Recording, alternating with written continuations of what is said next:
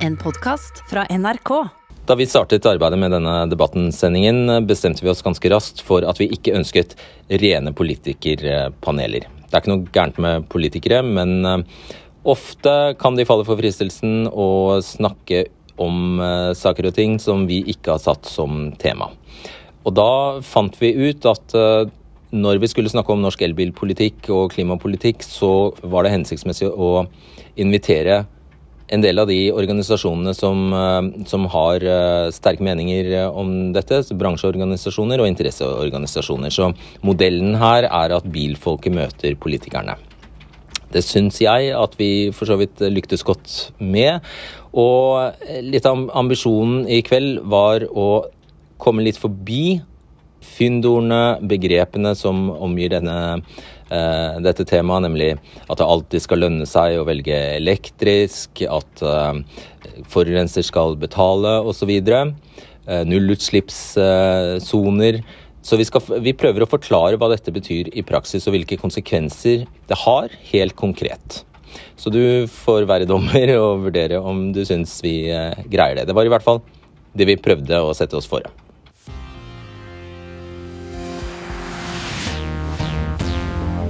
God kveld.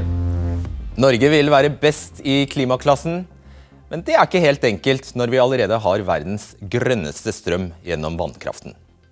Så da har ikke politikerne så veldig mange valg når de vil kutte og være like flinke, kanskje flinkere, enn EU. Forrige fredag kom svaret fra regjeringen. Bilistene skal kutte mest. Drivstoffavgiftene skal tredobles, og bensin- og dieselbiler kan forbys i byene. I denne debatten møter bilfolket politikerne. og Førstepar ut er Hilberg Ove Johansen fra Amcar og Lan Marie Berg fra NDG. Jeg vet du har et råd til bileiere i Oslo, Berg. Hva er det? Akkurat nå så står vi i en alvorlig klima- og miljøkrise. og Det betyr at vi må kutte alle utslippene våre så raskt vi kan. Og I Oslo så er 50% av utslippene de kommer fra veitrafikken. og Derfor så må vi framover gjøre det dyrere og vanskeligere å kjøre fossilbil i Oslo. Så Derfor så er mitt råd til alle som har muligheten i Oslo, å bytte ut fossilbilen, kvitte med fossilbilen så raskt som mulig. For det vil bli vanskeligere å kjøre fossilbil i Oslo framover. Ja, og da har du eh, vært på Du har banket på, eh, på, regjeringens dør og lenge bedt om å få innføre noe som kalles nullutslippssoner. Og det har du nå fått tillatelse til, nesten. Hva går det ut på? Ja, En nullutslippssone er jo en sone, et område i byen der hvor det ikke er lov til å kjøre fossilbil. Og Vi har faktisk tjuvstarta. Vi har starta å utrede slike nullutslippssoner i Oslo. Og ønsker allerede fra, eh, i løpet av neste år å kunne innføre en sånn sone. Og så gradvis utvide den til å gjelde hele Oslo innen 2030. For i 2030 så skal Oslo være en nullutslippsby, og det betyr at vi heller ikke kan ha biler med utslipp. Du skal forby i 2030 skal det være forbudt å kjøre fossilbil i Oslo by. Da ønsker vi at vi skal ha en nullutslippssone i hele byen. Jøye meg. Hilberg Ove Johansen, du er som sagt daglig leder i Amcar, som er en organisasjon for hva skal man si, for bilglade nordmenn. Ja. Er det sånn? Ja. Det er riktig, ja. Det er bra. Dette er jo rene ord for penga. Hva sier du til det? Eh, for det første så er jeg veldig glad for at eh, noen politikere har klart å tenke at eh, klimakrisa er ikke noe vi står i alene i Norge. Og Dernest er jeg jo veldig glad for at Lan Marie Berg og hennes parti ikke skal avgjøre det her alene. Så Det er jo liksom det første som slår meg. Og Det neste som slår meg, er at over tid så undres man jo over hvordan man liksom ser på bilisten i Norge. Det er jo tross alt 2,7 millioner bilister i dag som har nytte av bilen, som ikke har elbil og der man egentlig jubler for å få lov å innføre en forbudspolitikk der 2,7 eh, millioner mennesker må ta, uh, finne på noe annet å gjøre. Hva du kaller det frihetsberøvelse? Ja, det syns jeg det er. Uh, altså for meg og for mange, som, for mange av medlemmene mine og for veldig mange som ser på dette programmet, så representerer jo bilen en frihet og en mulighet. Det er, vi, kan bo, vi kan skaffe oss en bolig, bo der vi vil, jobbe der vi vil. Vi kan kjøre barn på skole to i familien kan jobbe, vi kan kjøre på fritid, vi kan drive med frivillige aktiviteter, vi kan besikre gamle mor og vi kan hente varer. ikke sant? Og alt dette er jo noe som de 2,7 millionene som blir berørt av sånne forslag som hun kom med, eh, må finne noen andre løsninger på. Svar på. Nå må vi jo huske på at det vi må sikre nå framover, er jo nettopp friheten vår til å kunne leve gode liv framover i framtiden, og at barna våre kan leve i en verden uten katastrofale klimaendringer. Og Det er nettopp derfor vi er nødt til å gjøre de endringene vi trenger framover, og bl.a. derfor vi trenger tiltak som gjør det vanskeligere å kjøre fossilbil, og til slutt vil gjøre hele Oslo til en sone der hvor vi har eh, der hvor vi kun kjører fossilfritt. Og da vil jeg også si at frihet det er mange ting. Fordi i en by som Oslo så reiser sju av ti med kollektiv, sykkel sykkel og gange. Og det er ikke så veldig, en så veldig stor frihet hvis barn ikke kan puste ren luft i byen, eller hvis man ikke kan gå, uh, gå til skolen uten å være redd for biltrafikk. Det og, det, og det, er noe, det er noe av utfordringen. Så jeg tenker at her må vi finne de gode løsningene og gjøre byen best for alle, og det tror jeg er uten biler. Ja, og, og de gode løsningene er jo å tro det at eh, klima er en kloss over Oslo, og det er det jo ikke. Og det hun foreslår, og det hun brenner så veldig for, og til og med drar inn folks helse, som er viktig. Det er riktig at flere folk dør tidligere pga. luftforurensning. Men det er også svensk, ganske ny svensk forskning som folk, flere folk dør av stress enn av luftforurensning. Slik at Hvis man tar fra den bilen, så blir stresset høyere for hverdagen til å gå sammen. Men det aller viktigste med forbudssona, som her foreslått at elbilene skal få lov å komme inn, det er der politikerne, du inklusive, ikke forstår at marginen mellom hva som er miljø og hva som er klima, den skiller man ikke med. For I dette tilfellet så handler det om at hvis du slipper inn en elbil på piggdekk, så forurenser den mer enn en moderne dieselbil på piggfrie dekk. Svar kort på det før vi skal få inn eh, resten av panelet. Ja, dette er jeg i det hele tatt ganske uenig i, men jeg tror at det som er viktig, er at det å gjøre byen til en utslippsfri by, vil også gjøre den til en bedre by å bo i med mindre biltrafikk, og det er det de aller fleste i Oslo enig i. Bedre så... for dem som kan nyttiggjøre seg det, de folkene som mister parkeringsplassen, som mister muligheten til å ta bilen sin hjem, som mister muligheten til å gjøre det. De vil jo oppfatte det helt annerledes. Kanskje man finner seg ny jobb, ny skole, ny plass å bo. Det er ikke bedre for dem. Da skal vi gjøre panelet helt fullkomment, og det gjør vi ved å invitere Sveinung Rotevatn og Camilla Ryste, henholdsvis klima- og miljøminister, og kommunikasjonssjef i Norges Automobilforbund. Velkommen til dere. Rotevatn, det stemmer som jeg sier at det er Oslo og Bergen som virkelig har stått på for å få innføre disse nullutslippssonene. Og i denne klimaplanen du nå har lagt fram, så sier du greit, la oss prøve. Ja, eh, vi har lagt fram en klimaplan som representerer et historisk taktskifte i norsk klimapolitikk, der vi skal redusere utslippene, skape flere arbeidsplasser, omstille Norge. En del av det det er en veldig stor plan da, men en del av det... Vi kan ikke er, diskutere alle de 200 sidene i kveld. Vi kan det, men Nei, du bestemmer. Så vi, eh, vi forholder oss til det du spurte om. Ja. Og ja, Lokalpolitikerne i Oslo og i Bergen har sagt at de har lyst til å forsøke slike nullutslippssoner i sine byer. Og vi har sagt at Det syns vi de skal få lov til å prøve, eh, så vi kommer til å åpne for prøveprosjekt. Og Det har med å gjøre både at vi har respekt for lokaldemokratiet, og at hvis folk ønsker å begrense biltrafikken i byene der de er valgt å styre, så skal de ha muligheten til det. Og så er det ikke minst fordi vi ser at elbilsalget går kjempebra. Det er suksesshistorie. Annenhver solgte bil er det. Men der det går tregt, det er når det gjelder varetransport og næringstransport. Der må vi få sterkere ja, til å kjøpe nullutslippsbil. Mm.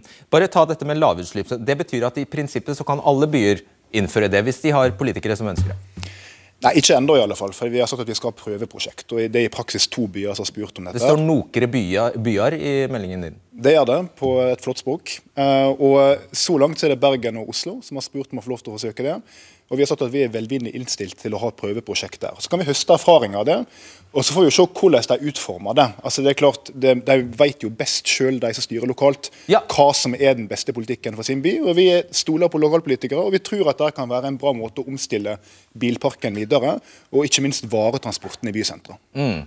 Så bydelspolitikere vet hva som skal sitte og bestemme over en så stor sak som det globale klimaet. Hva er, hva, hvorfor? Nå kan jo ikke lokalpolitikere bestemme over hele det lokale klima, nei, globale klimaet, men vi mener at alle monner drar. Vi skal kutte utslipp framover. Utslippene fra biltrafikken er fortsatt store, men nå skal det jo sies, og dette er veldig bra, at elbilsalget går som det suser. Vi får stadig ned utslippene, både totalt og fra veitrafikken. Det er ett tiltak som kan bidra positivt i denne retning, og det er regjeringa positiv til å ha prøveprosjekt for. Camilla Rysse, dere kraftig, går kraftig imot dette forslaget. Hvorfor det? Nei, Vi syns dette blir helt feil måte å gripe an dette problemet. Eh, generelt så ser vi i Norge at vi har suksess med elbilpolitikken når man bruker gulrot og ikke pisk. Men signalene som kommer nå fra flere politiske partier, er at de eh, virker som om de blir mer og mer velvillig innstilt til å svinge pisken hardere mot eh, bilistene. Og vi tror ikke det er en god måte å få folk med på disse endringene. Og hvis det er nullutslipp som er viktig, så er det helt andre tiltak dere bør fokusere på. Dere bør sørge for et mye bedre ladenettverk i dag. Men du, bør... vet du hva, Før du tar ja. den lista, hva er ulempen med dette forslaget nullutslipp? Altså Til slutt gjøre Oslo, hele Oslo, alle de store byene da, eh, antagelig, mm. kanskje, til nullutslippssoner. Forby fossilbiler i det store og hele. Hva er problemet med det? Problemet er at det er en rekke mennesker som ikke har hatt eh, anledning, altså av praktiske grunner eller økonomiske grunner, til å kjøpe seg elbil. Det er ikke så lett for alle at det bare er å si gå og kjøp deg en elbil. I løpet av de, ni år kan de vel det? De aller fleste kjøper brukte biler. Åtte av ti biler som kjøpes, er brukte biler. Elbiler er fortsatt i hovedsak nybiler, og det fins et ganske begrenset marked for brukte elbiler med så god rekkevidde at det holder som en nummer én-bil for en familie. Berg. Nå må vi huske på at Den oppgaven som vi har foran oss, den er helt formidabel. Vi skal klare å kutte halvparten av verdens klimagassutslipp innen de neste ni årene. Det betyr nødvendigvis at det må skje endringer. Og i byer som Oslo, når 50% av utslippene er, kommer fra veitrafikken, så trenger vi flere virkemidler for å få det til å gå raskt nok. Ellers så vil vi kanskje ikke ha en levelig og trygg verden og gi, gi framover til våre barn og barnebarn når de kommer. Og det tror jeg at vi alle egentlig ønsker oss. Og det vi vet i Oslo, er at de aller fleste de ønsker seg mindre biltrafikk, mindre utslipp, renere luft. Og vi trenger da den type restriktive tiltak for å få det til. For det vi vet, er at de restriktive tiltakene, de er og som ofte blir omtalt som pisk, de er en stor gulrot for de som vil ha ren luft, mindre kø for de som sitter på bussen, og eh, bedre og tryggere skoleveier for barna våre. Så dette her er vinn-vinn. Vi kutter utslipp og gjør, lager en trygg verden for framtida, og vi gjør, lager en bedre by her og nå. Ja, det må komme endringer, og det er endringer på gang. Men hvis dere som er politikere skal få til de endringene, må dere også få dere folket med dere, og ikke mot dere. Og hvis dere gjør dette med for mye restriksjoner, for mye forbud, for mye økte avgifter og dyre eh, reiser folk ikke har råd til, ja, så får dere folket mot dere. Og da får du ikke til den endringen som du ønsker. og alle andre ønsker. Det er ingen som kjører bil fordi de syns det er gøy å forurense. Svar superkort. Da vil jeg bare påpeke at De aller fleste i Oslo vi gjør undersøkelser, de ønsker seg denne type endringer. Og at etter at vi har gjennomført sånne type endringer i fire år de siste, i siste periode, så doblet MDG seg på, uh, i forrige valg. Det viser meg at folk vil ha mer klimapolitikk, og det ser vi også av målinger etter okay. de restriktive tiltakene for koronakrisen. At folk ønsker like restriktive tiltak for klima. her er veldig viktig, for, eh, for uh, Berg snakker på inn- og utpust for MDG. Og Det som er det viktigste til Rotevatn, som er endringa i den politikken her nå, det er jo endringer der man før uh, førte en politikk som hadde intensiver til å gjøre en positiv handling, til at man nå begynner med tvang og forbud. Og I praksis så vil jo tvang og forbud Hvis det hadde vært sånn at det var så enkelt å kjøpe seg elbil som, som mange gir inntrykk av, så hadde jo flere enn 300 000 eller, eller 10% av Norges eh, bilister hatt det. Så det er fremdeles 2,7 millioner igjen. Du sier da, At du kommer til å gå med på det, bare du lokkes litt kraftigere? Ja, nei, du kan ikke lokkes, du, du kan ikke, du kan ikke lokkes kraftigere, men du må holde insentivene lenger. Og Det som er viktig, det er jo det at vi har ikke denne klimakrisa regna. Det er ikke en firkant over Oslo eller de andre byene. Så vi må passe på å se hva de andre landene gjør, og hva de andre bilprodusentene gjør. Og så vil jeg bare si på denne undersøkelsen Amcar har fått Norstat til å gjøre en spørring rett før jul. Det stemmer ikke det Land sier. Sju av ti er uenig i et forbud mot salg av bensin- og dieselbil, og det er nesten uavhengig av parti. Og mange plasser i landet er, er, antallet langt flere. Lærte dere ingenting av bompengeoppgjøret? At det går, at det går en grense for, for folk? Absolutt. Og jeg synes egentlig at dette var et veldig godt innlegg for hvorfor det er viktig å holde på elbilfordelene. Det skal være attraktivt. Det er jeg for, det er Venstre for, det er regjeringa for.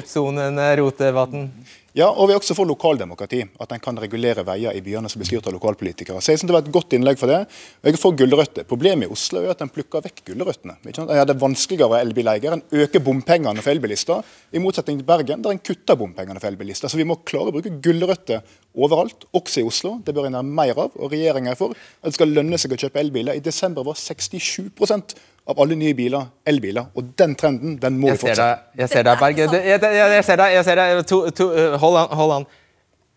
Du, går, altså, du, har, du, må jo vedstå deg det at du har godkjent at de får teste ut dette forbudet mot fossilbiler i Oslo og Bergen eh, nå. Hva er det, altså hvis, her, her er en liste over det hun har anledning til å innføre i dag. Det er altså rushtidsavgift, det er økning av bompengetakstene når det er høy luftforurensning, det er innføre gebyrbaserte lavutslippssoner for å håndtere lokal luftforurensning, det er innføre midlertidig forbud mot trafikk, det er fjerne parkeringsplasser, øke prisene på parkering, hun kan eh, legge om trafikken så man havner i en uendelig labyrint så man bare ikke orker mer. Alt dette her kan jo hun gjøre.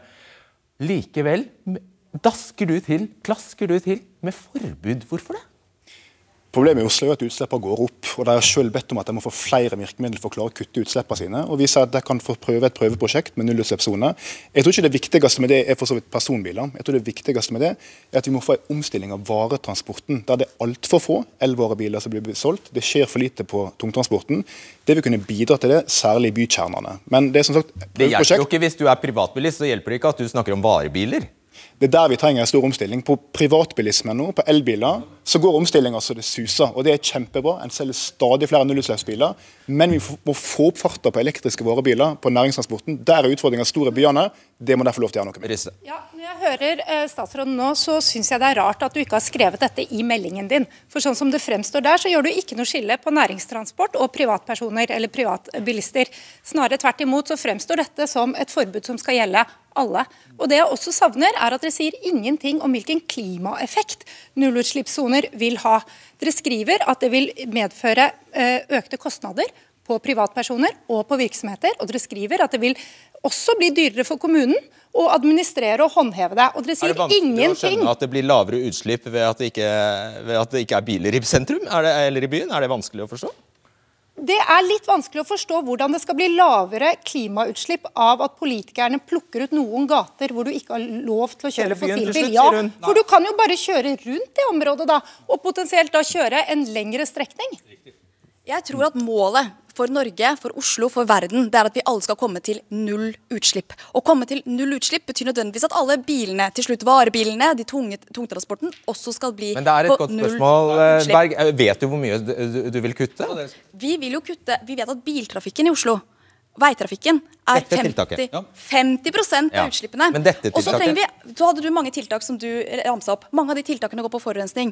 Vi trenger å bruke alle tiltakene for å kunne komme til null. Det er en formidabel oppgave som vi står overfor. Og så håper jeg at vi får lov av statsråden til å innføre en nullutslippssone som vil til slutt kunne gjelde hele Oslo. Fordi vi trenger å gjøre det ikke bare i Oslo, men vi trenger å gjøre det til slutt sånn at i, hele, i, i store byer over hele Norge, og til slutt også rundt omkring i verden, sånn at vi får kuttet alle disse utslippene. Og Det er det, den oppgaven vi står ovenfor Så en by uh, som uh, Tromsø, da. Er dette en modell for dem?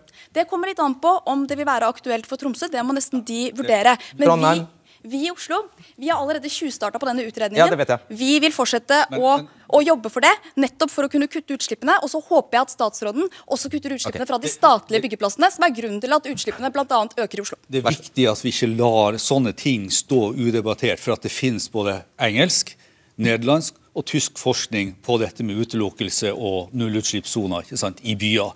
Man, altså hvis man mener det at 1% forskjell på svevestøv er forskjellen på en nullutslippssone og en ikke-nullutslippssone, så, så, vet ikke jeg hvor forskninga ligger. Så Det er resultatet. Du trenger ikke å utrede, du trenger ikke å bruke uh, skattepenger fra, fra, innbyggerne i Oslo til å utrede det her. Det finnes utredninger fra utlandet som sier at det har ingen hensikt. Og det sier seg jo selv at de som har behov for bil, som er masse masse folk, de er ikke fornøyd med å miste plassene sine, parkeringsplassene sine. De er ikke fornøyd med å miste veiene sine.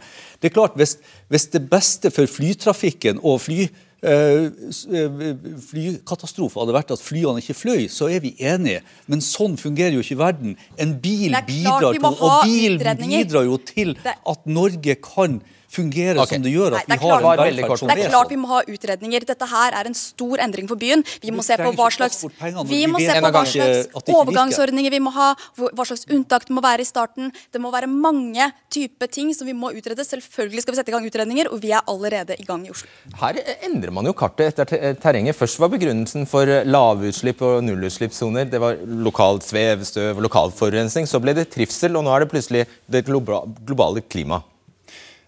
Allerede nå så kan jo byene innføre lavutslippssoner av hensyn til luftforurensning. Det har Oslo valgt å ikke gjøre, men det kan de hvis de vil. Og nå sier vi at de kan få lov til å ha nullutslippssoner av hensyn til klima. Men jeg tror vi skal få ned frontene litt. Altså Nå virker det som at det er debatt mellom om hele Oslo skal være forbudt å kjøre bil i eller ikke. Det er åpenbart ikke aktuelt nå. Men dersom byrådet ønsker å si at en gate eller to eller et område skal vi kun har, for eksempel... Du må ta ansvar for egen politikk. Ja, du tilrettelegger for det, dette. Det gjør jeg selvsagt, men jeg sier Nei, det også... gjør du ikke nå. Ja, men nå virker det som det er en debatt om det skal bli forbudt å kjøre bil i Norge eller ikke. Det skal det selvsagt ikke bli. Men vi skal omstille bilparken vår. Vi skal få... Vi åpner jo for det. kommunalt selvstyre kan Nei, lage soner der det ikke er lov å kjøre med Det du sier, er at målet vårt er at i 2025 Mm. så skal alle nye biler som blir solgt i Norge, være nullutslippsbiler. Og dit er vi på god vei. Vi er på vei inn i en ny virkelighet. og Det betyr at vi kan omstille oss, kutte utslipp, skape bedre byer for alle. Og da må vi gi virkemidler som kan gjennomføre den fra politikken. TØI sier at vi kommer til å mangle to millioner elbiler i 2025. Er du veldig rask? forby? Ja, jeg skulle bare si at jeg, jeg, kan være enig, jeg er veldig enig med deg i en ting, og det er at jeg tror vi er tjent med å ta temperaturen i debatten ned. Det er sterke følelser i disse spørsmålene. Bilen betyr noe for folk, for den er en viktig del av hverdagen vår. eh, Og hvordan vi får ting til å henge praktisk i hop i livene våre. Og Da tror jeg at det er lurt at dere som politikere også tenker dere veldig godt om før dere kommer med nye forbud og restriksjoner som folk opplever at gjør hverdagen deres vanskeligere. Du skal få avslutte. Jeg tror at den politikken som vi fører i Oslo vil gjøre hverdagen til de aller fleste enklere. For de aller fleste i Oslo de reiser kollektivt, de sykler og går. Og det er den politikken som vi fører i Oslo, og som vil fortsette å gjøre Oslo bedre framover. Er det ikke resten av landet? Takk skal dere ha. Tusen takk.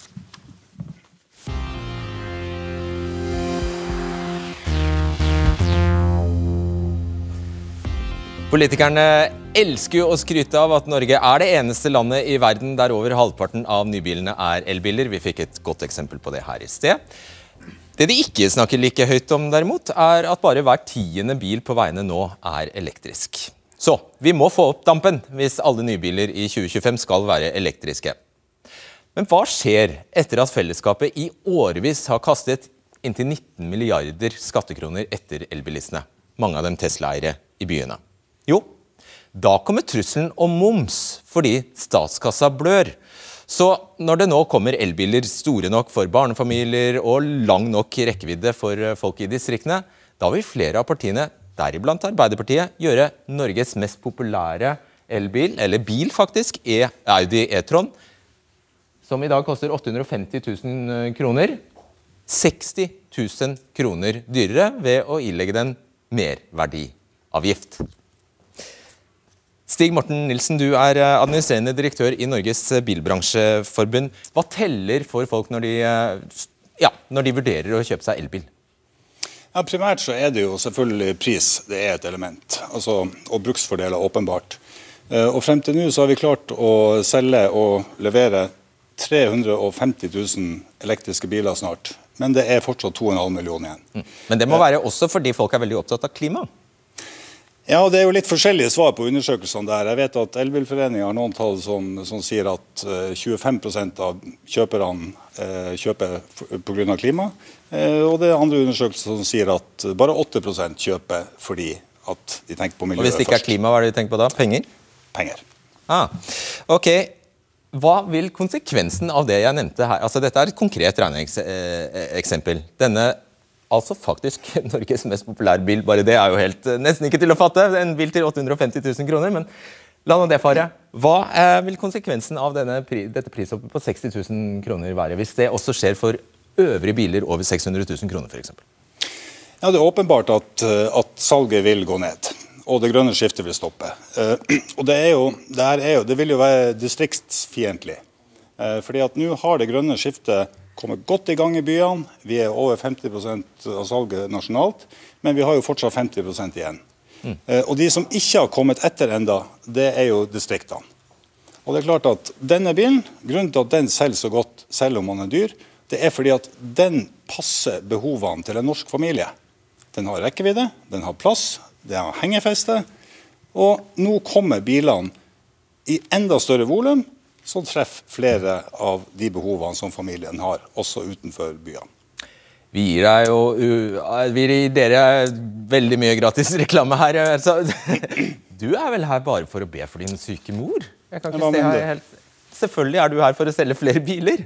Ja, du kan si at vi, vi har jo tatt, eh, vi, Sammen med, med politikerne så har jo vi tatt samfunnsansvaret. Derfor jeg sier at vi har levert 350 000 elektriske biler nå. Og bilbransjen har investert hundrevis av millioner i kompetanse, i nye verktøy i, og, og, for å forstå den nye teknologien. Og for oss, hvis du ser på litt sånn sort-hvitt, så spiller det ingen rolle om vi selger en bensinbil eller en elbil. Sånn per definisjon, bare vi selger en bil. Ja. ok, vi får tro deg på det foreløpig. Espen Barth Eide, stortingsrepresentant for Arbeiderpartiet. Dette regneeksempelet var altså hentet fra ditt eh, alternative statsbudsjett. Eh, hva er det dere har foreslått når det gjelder moms? Vi har foreslått at nå som eh, elbiler allerede er over halvparten av nybilsalget, så kan vi forsiktig begynne å innføre moms på de dyreste bilene, men bare på det beløpet som overstiger 600 000. Så det er altså ingen moms før 600 000. Eh, kjøper du en bil som ellers ville kostet 700 000, så blir, da, blir det moms på de siste 100 000, altså 725 000. Det er en veldig moderat innføring av moms. Men poenget Også, er? Jo, poenget er at uh, også elbiler er biler.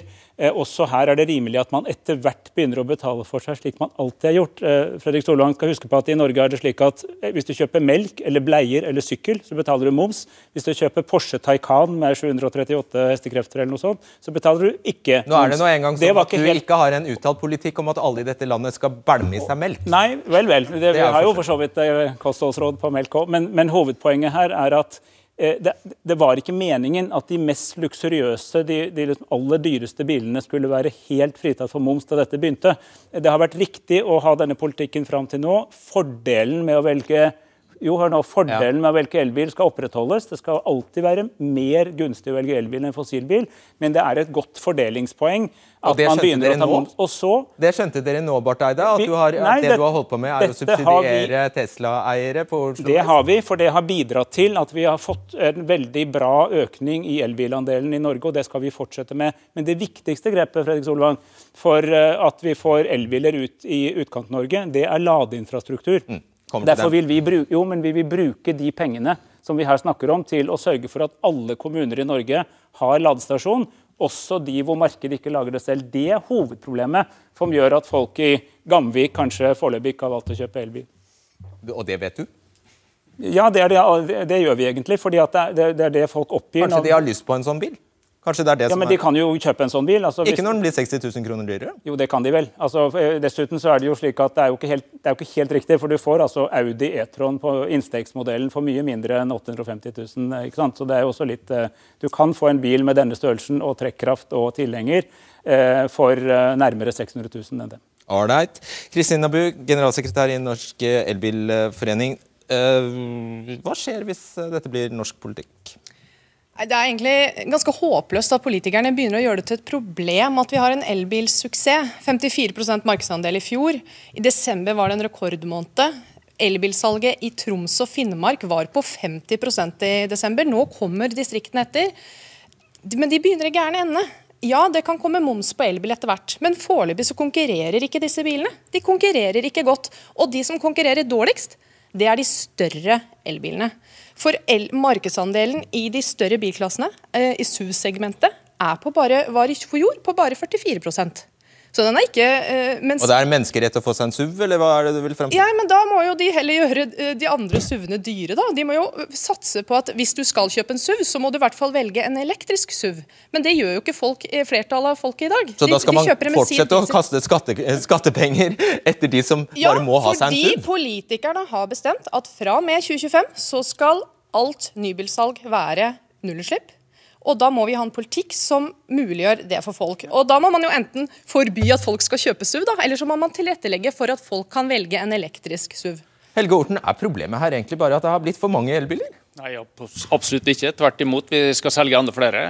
Eller folk skal få kjøpe enda flere. Det, det er jo, hele elbilpolitikken har jo vært en suksess. Mm, mm. Ja, jo, ikke dra altså, hele den igjen, nei, nei, men, nei, men poen, ja. poenget, poenget, med det er jo at avgiftsfritak har jo vært suksessformelen for å få det til. Ja. Og så er det sånn at i utgangspunktet så var jo det fordi du hadde begrensa utvalg av biler i markedet. Du hadde relativt høye produksjonskostnader knytta til disse elbilene. Når eh, det er stadig flere biler som kommer i markedet, det er flere biler i flere eh, prissegment vil det være, og du vil også få at eh, kostnadene med å produsere elbiler går ned. Og Da mener jeg at vi kommer til det punktet der vi må begynne å vurdere å fase inn avgifter på omsetning av elbil. Men det, må, men, det, men det, må, vi gjøre på en forsiktig måte. Jeg er helt enig i det. Og det er klart det som er avgjørende tror jeg, for den suksessen fremover, er at vi har nok biler i markedet markedet med forskjellig prisklasse, slik at vi kan dekke hele eh, markedssegmentet. Slik at familiefolk kan kjøpe seg en rimelig bil som er vesentlig rimeligere enn den du viser her på, på bildet.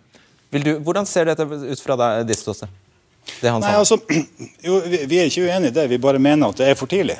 Altså, Vi er ikke riktig der enda at, eh, at på en måte konkurransekrafta er oppnådd, eh, og at de kan stå på egne bein uten insentiver. Så, og, og, I forhold til denne dere kaller det for luksusbeskatning eh, på de dyre elbilene, så jeg syns det er rart at, at, Arbeiderpartiet ønsker å hvis, hvis, du heter Ola og bor på Otta, så skal ikke du få lov i neste år og nyte godt av den samme fordelen eh, som hadde du bodd i Bærum.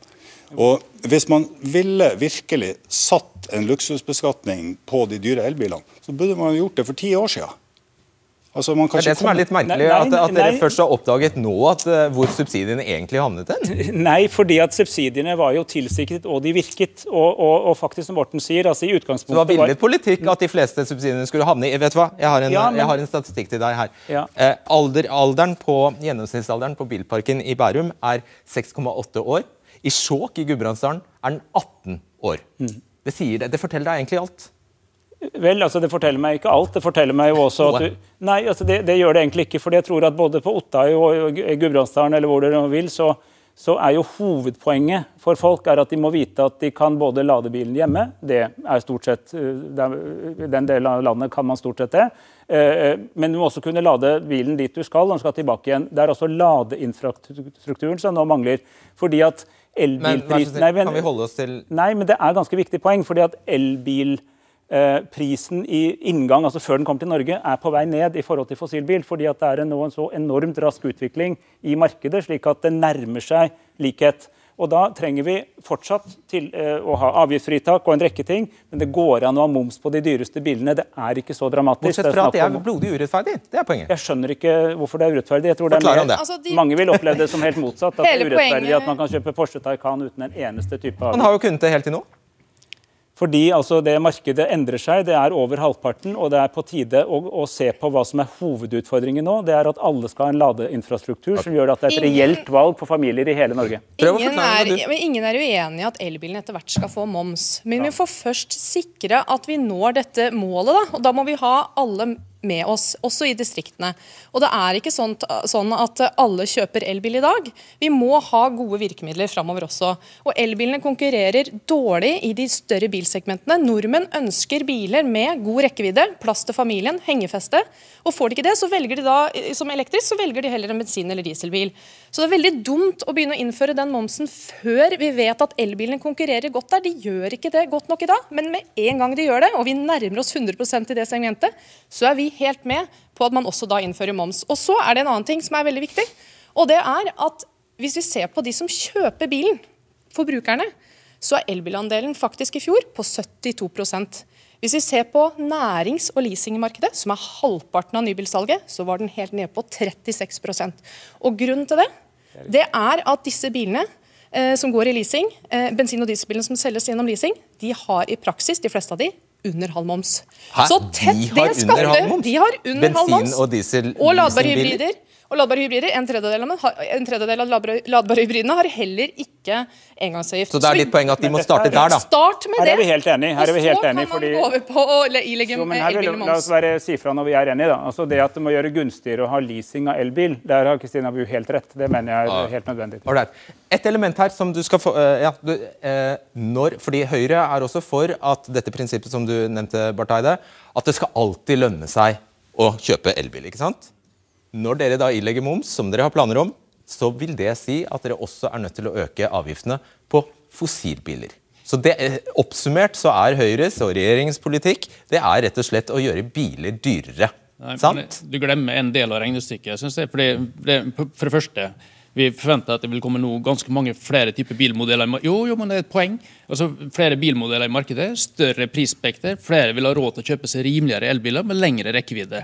Og så er det et poeng at når vi begynte ut med dette her med å, å Du har ikke engang sagt når momsen skal slå inn. Når, når avgiftsfritaket ble innført i sin tid, var det for å stimulere et marked der kostnaden ved å produsere en elbil var veldig mye høyere enn å produsere en vanlig bensin- og dieselbil. Det der vil nærme seg nå ganske fort. Og jeg forstår det enig med Kristina Bu i ja, ja, Du snakker om egentlig noe helt annet. Jeg sier, Du sier det skal være et bærende prinsipp i alt dere gjør, at så lenge for å oppnå 100% el, så må man nødvendigvis alltid la det lønne seg å kjøpe el. Ja, men det betyr... Følger, og så sier du vi skal til, men vi skal ilegge moms, fordi nå er det på tide fordi 7,7 milliarder kroner i, forsvinner ut av statskassa fordi det ikke er moms på elbiler. Og så sier jeg for at du skal klare å gjøre elbilen konkurranse alltid, alltid billigere, så må du nødvendigvis når du ilegger moms, også gjøre fossilbilene dyrere. Og da spør jeg det. Spørsmålet er kjempeenkelt. Er det Høyres politikk å gjøre kjøp av bil i Norge dyrere? Nei, og poenget er jo at, er jo at uh, når kostnaden med å produsere en elbil går ned, så er det òg et grunnlag for gradvis å begynne å innføre avgift. Ja, da må det først skje. Det vidt, jo, jo, men det skal jeg for så vidt være enig i at vi må ta en gradvis og forsiktig tilnærming til dette her. Men poenget mitt er jo, uh, Solvang, at så, lenge, så, så Begrunnelsen for å ha fullt avgiftsfritak har jo vært at det har vært betydelig dyrere å produsere en elbil. Når det begynner å nærme seg en vanlig bensin- og dieselbil, så har jo ikke samme argumentet for å opprettholde fullt avgiftsfritak lenger. Det, det, det, er jo hele vårt poeng også. at det, Derfor blir det for tidlig nå. Fordi at den, den uh, produksjonskostnaden er ikke kommet nok ned til at vi gradvis kan innføre moms. Uh, og uten å måtte øke de andre avgiftene. Men, men, og, som, men, og som et veldig, veldig, enkelt eksempel, så har jo Arbeiderpartiet i sitt budsjett de foreslår å øke eh, moms på elbil med 500 millioner. Og øke avgifter på bensin- og dieselbiler med 700 millioner. Og, og, Det er det jeg snakker om. at Man må gjøre det følger jo av logikken her, man må gjøre riktig. diesel- og bensinbiler dyrere hvis det fortsatt skal lønne seg å velge elbil. Og Vi ønsker ja, men, ikke et høyere nivå på bilpriser men, men egentlig det jeg hører her er at egentlig er alle enige, man er bare uenige om når. fordi at Alle har jo nå sagt at man skal på et eller annet tidspunkt begynne å innføre moms. Da mener jeg det mest rettferdige og mest rimelige Så biler skal bli dyrere rund baut? Nei, nei, men det er faktisk litt viktig at man hører på at inngangsprisen inn til Norge går ned. Altså Det blir billigere å lage elbil, for det blir mange flere elbiler, ikke minst i Europa. Prisen per bil til importøren går ned. Og Det betyr altså at det du betaler, kommer også til å gå ned. Men på et tidspunkt kan man da begynne å innføre en moms på toppen av det. Men det blir altså moms på en mindre inngangsverdi. Skjønner. Og Det er et viktig poeng som man kanskje må ta med seg dette regnestykket. Og det skjer. Det er ikke i fremtiden, det skjer nå. For nå kommer virkelig volumene på bra familiebiler godt under 600 000. Ja, men Espen Barth Eide, la det skje først, da. Og rydde opp med de feilene som er i avgiftssystemet. La det skje. La det, må, det er fire år til at alle skal kjøpe eh, nullutslippsbiler. Da må vi La det skje, for det er så viktig. Det er ikke bare viktig for å kutte norske klimagassutslipp, men det er viktig fordi hele verden følger med på Norge, og at vi skal klare dette her. Det er et utrolig viktig signal internasjonalt. Og så vil jeg altså bare også si at uh, Det som skjedde i, forrige, i statsbudsjettet for 2021, det var at man økte avgiften på elbil. Uh, kun. Uh, de hadde ingen økninger på bensin- og dieselbiler eller ladbare hybrider. De økte på elbilene. Det, eh, du skal få lytte til det svaret på bakrommet, tror jeg. For nå skal vi, Jeg sier tusen takk til deg, Kristina Bu. For Camilla Ryste fra NAF skal få, få, gjøre comeback her. Du kan svare på det. Ja, Gjorde at, dere virkelig det? Ja, Vi innførte en trafikkforsikringsavgift også på elbiler. Det er 2000 kroner i året for, eh, på nivå med en motorsykkel. Så gjorde det mindre gunstig å kjøpe elbil? Ja, men altså, jeg tror ikke det, ja, påvirker, jo, men jeg, jeg tror ikke det påvirker om du kjøper en elbil eller ikke. altså, ærlig talt. Jo, men Det var jo et brudd med prinsippet som vi mm. så langt har vært enige om, at man skal ikke redusere fordelen av elbil framfor fossilbil. Så det Der var, var en liten ting, men dumt. Ok, der var du igjen. Hva har du på hjertet nå, da? For nå skal vi snakke om bensin- og dieselpriser. og jeg skal bare legge til. Det er sånn at dere i, eh, dere i denne meldingen sier at karbonprisen må økes. Faktisk helt opp til 2000 kroner. Ikke det at det sier noen av oss noe som helst, men i praksis betyr det på pumpeprisen. La oss si at det i 2030 er samme pumpepris som i dag, røftlig 15 kroner. Hvis du da tre ganger den prisen så, eh, på avgiften, nei, avgiften tre ganger med tre, som dere planlegger, så vil ut, eh, pumpeprisen kunne bli 22 kroner nesten, faktisk. Og da har ja, Og det vil jo utføre rundt 200 kroner eh, i økt kostnad hvis du skal fylle en 40 liters eh, tank. Eh, og det, Dette henger egentlig veldig tett sammen med det vi har diskutert tidligere i programmet. Og det vi ser at Nå er politikerne begynner å bli utålmodige etter å knipe inn på disse gulrøttene som de har brukt så langt for å få folk med på disse viktige endringene. Og for å kompensere, dere syns det begynner å kanskje koste for mye, så vil dere heller øke avgifter og komme med restriktive eh, forbud. Og Dette er et eksempel på da en økt avgift man foreslår, istedenfor å bruke positive avgiftslettelser, som man har gjort nå. Altså, ja, det er riktig. Vi skal trappe opp CO2-avgiften fram mot 2030. Eh, opp fra 590 tror jeg, til 2000.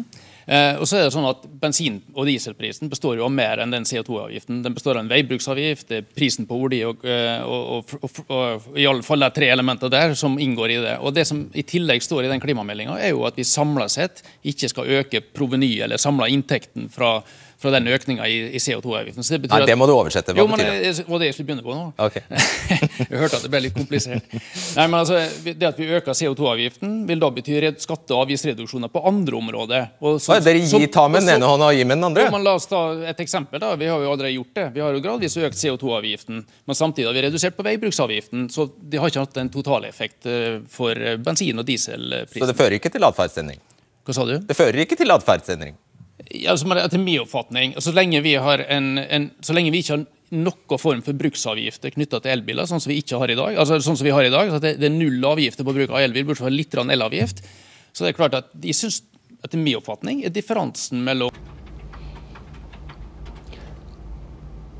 Det var god stemning da de forlot studiodeltakerne, så eh, basert på det så tror jeg dette gikk sånn noenlunde greit. Dette er jo selvfølgelig en diskusjon som bare vil få ytterligere fart i eh, månedene og årene som kommer. Nå skal jo denne klimameldingen behandles i Stortinget, så da må partiene flagge standpunkt. Og dette er jo selvfølgelig veldig vanskelige avveininger, det skjønner alle.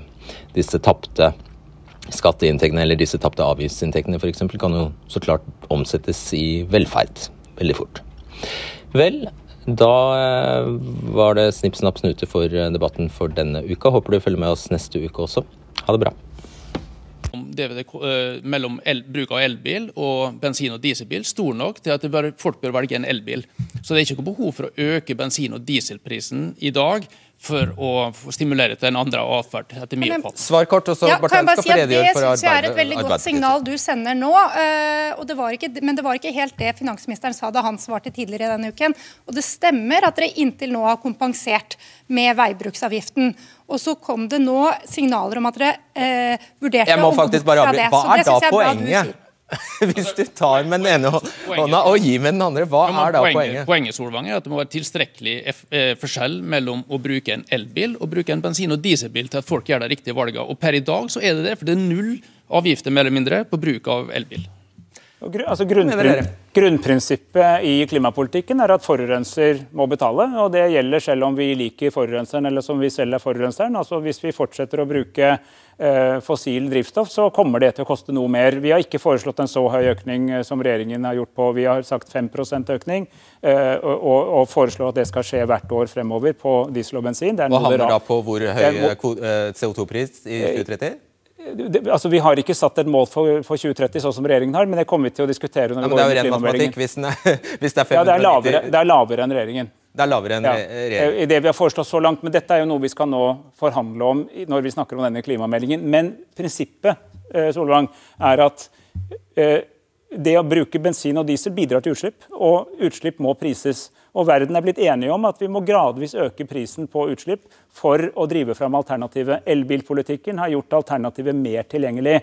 Men derfor må jeg igjen si, hvis vi får til en ladeinfrastruktur som gjør at elbil er et reelt valg for familier over hele Norge som første bil, mm. så er altså muligheten for raskere å gå over fra fossil til el større. Det skjønner vi. Ja, og Derfor så henger dette sammen. Det må bli dyrere å forurense ettersom vi har mindre karbonbudsjett igjen å bruke opp i ja, verden. Og eh, da er det, det jeg vil fram til, er at velgerne, de norske velgerne har, kan da bare notere seg at to mellomstore norske partier de er for å øke pumpeprisen ganske drastisk. Nei, det er... nei, nei, nei. Altså, ja, Det er det som skjer. Nei, 5 nei, det er, jo ikke, er ikke veldig altså, dramatisk. For, la meg få gjenta meg selv, da. Altså, pumpeprisen består av flere ting. Oljepris, ja. veibruksavgift, CO2-avgift blant annet. Og, og det som er, eh, som er, signalet fra meg, er jo at jeg ser jo det at Skal det bli billigere, eller? Selv, nei, men altså, poenget er at differensen mellom bruk av en elbil ja, og bruk av en bensin- og dieselbil må være tilstrekkelig. Og det er én per i dag, etter min oppfatning. Okay. Og Derfor så er det ikke behov for å øke bensin- og dieselbil. Hva tror du vil skje med, eh, hvis, dette, hvis, dette, blir politikk? Det, det, som er uheldig her, det er jo det at i 2030 så er det fortsatt mer enn én million eh, fossildrevne biler på norske veier. Og, og det her er jo biler som gjør jobben hver eneste dag for familier rundt omkring i hele landet. Og som forurenser. Jo, og de forurenser. Men å bruke, da må man heller prøve, og, og hvis man ønsker å styre atferd, så bruk nå heller insentivene på kjøpsavgiften. Behold de lenger, i stedet for å, å, å bare skattlegge uansett folk som ikke har mulighet til å gjøre noen andre valg. Uansett. Men altså, vi beholder jo, Det er jo absolutt av ingen typer avgift på elbiler opp til 600 000. Også en moderat innføring bare av moms over 600 000. Det er ikke akkurat noe veldig radikalt grep. Det betyr fortsatt en massiv støtte til elbil, men det begynner altså en slags utjevningspolitikk, slik at de dyreste kan bidra litt. Nå snakker vi jo frem mot 2030, og jeg tipper det at den 600 000-grensa den vil vel ikke dere la stå fast frem til 2030? Nei, den må jo selvfølgelig justeres i forhold til prisnivået den gangen, men samtidig vil elbilprisene i utgangspunktet gå nedover, fordi at det er så stor eh, innovasjon nå på det markedet. Og nå skal vi vi avrunde. Ja, eh, Forurenser eh, betaler blir nevnt som et prinsipp. Ja, norske bilister betaler 50 milliarder i skatter og avgifter, inkludert bompenger, hvert år. Eh, så det vi er bekymret for, er jo at politikerne nå sender signaler om at de mener det ikke er nok. Eh, og som vi har vært inne på i denne debatten, De ønsker å eh, fase inn moms på elbiler. De ønsker da å øke avgiftene på fossile og dieselbiler. Og det snakkes om en høyere CO2-avgift som kan gi økt bensinpris hvis ikke det kompenseres. Ja, det, ja det, ok, Du var ikke rask nok, for da, da, rekker jeg å avslutte, faktisk. Beklager, Orten. Det var det vi rakk. Takk skal dere ha. Eh, vil du høre litt mer om hvordan vi har tenkt eh, da vi laget denne sendingen? Da kan du høre debatten som podkast. Den er klar om eh, noen få strakser. Takk for nå. Det er selvfølgelig veldig mye vi kunne ha tatt opp. Vi kunne ha tatt opp hvordan livssyklusregnskapet for elbiler ser ut kontra fossilbiler. Vi kunne ha snakket om elprisen, altså strømprisen, hvordan hva som vil skje med kostnadene ved å ha elbil eh, hvis, eh, hvis, det blir dyrere strøm. Veldig mye vi kunne ha blandet inn, og som ville ha vært eh, både interessant og relevant, tror jeg. Men vi må velge. Sånn er det. Og basert på, basert på stemningen i studio da sendingen var over, så tror jeg vi rakk innom ganske mye fornuftig, og at deltakerne i hvert fall var nokså ganske fornøyde. Ja, eh, det var Snipp, snapp, snute for debatten denne uka. Takk for at du eh, følger oss, og på gjenhør og gjensyn eh, neste uke. Du har hørt en podkast fra NRK. Hør flere podkaster og din NRK-kanal i appen NRK Radio.